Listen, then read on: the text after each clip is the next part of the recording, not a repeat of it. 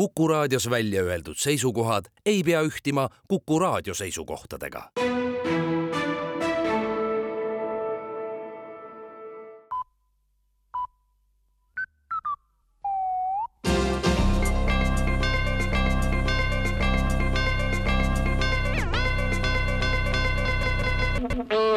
uudised on eetris ja stuudios Rohke Develak transpordiamet annab teada, et läheb homsest üle aastaringsele erilisele hoolderežiimile, mis tähendab, et teehooldajatel läheb tavapärasest kauem aega tee hooldamiseks. siiani on olnud eriline hoolderežiim tingitud eriti halbadest ilmastikuoludest, kuid teid on raske tegelikult hooldada ka eriliselt heade ilmastikuolude korral ja tegelikult ükskõik milliste ilmastikuolude korral. aastaringne eriline hoolderežiim tagab ühesugused teeolud kõikjal Eestis ja autojuhid võivad olla kindlad, et teeolud ei vaheldu, vaid on kogu aeg aeg halvad ühtlaselt üle terve riigi. eriline teehoolderežiim kehtib esmajärjekorras asulasisestel kõnniteedel ja Tallinna teade. Tallinna linnavalitsuses on töös linna juhtimise struktuuri muutmise määrus, millega loodaks lisaks linnavalitsusele ka linnaelanike valitsus. linnavalitsusel on igapäevaselt väga palju tööd paisunud linnastruktuuri juhtimisega ja linnainimestega tegelemiseks jääb väga vähe aega alles. linnavalitsus ja inimeste valitsus saaksid kasutada eraldi eelarvet, linna eelarve jääks sama suureks kui praegu ja laekumiskohad jääksid samuti samaks. elanike valitsus aga saaks omad vahendid tegutsemiseks koguda ise inimeste käest. linnavalitsus on aastaid kestnud inimestega tegelemisest tegelikult väsinud. inimesed on tülikad, neil on palju soove, plaane, hädasid, milledega tegelemise kõrval jääksid linna asjad päris soiku. kui elanike valitsus tööd alustab, saab linn tegeleda aga rahulikult oma asjadega ja linnas elavad inimesed jälle omade asjadega ja üks ei segaks teist, märkis abilinnapea abi, abinõuniku abi tiksumisküsimuste peaspetsialisti teise sekretäri naabriasetäitja abi Meelis Maho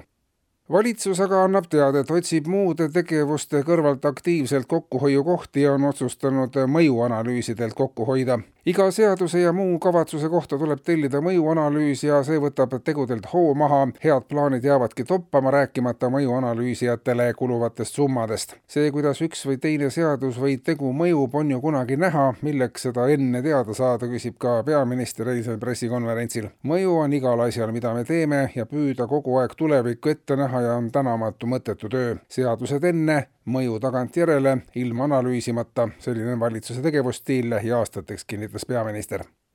Ja Riigikogu juhatus andis täna hommikul teada ka esimestest koondamistest Riigikogus. majanduse hetkeolukorra valguses on koondamine loogiline asjade käik ka Riigikogu puhul, sest nii mõnegi parlamendiliikme vajadus on selge küsimärgi all kõikidele Riigikogu liikmetele ei jätku enam tööd ja tööpuudus kummitab üha tõsisemalt iga päevaga, märgitakse pressiteates. paljud Riigikogu liikmed saavad vaid väikesi tööotsi ja veel rohkem on neid, kes on oodanud mingisugustki tööd juba pikki kuid. kevadeks võib kätte jõuda olukord, kus tuleb koondada pool Riigikogu liikmetest ning kogu parlamendi saatmine sundpuhkusele võib aset leida juba talve hakul. ka valitsuses on sel aastal koondamisi ette näha, praegu pole veel selge, kes kelle koondab eetris olid uudised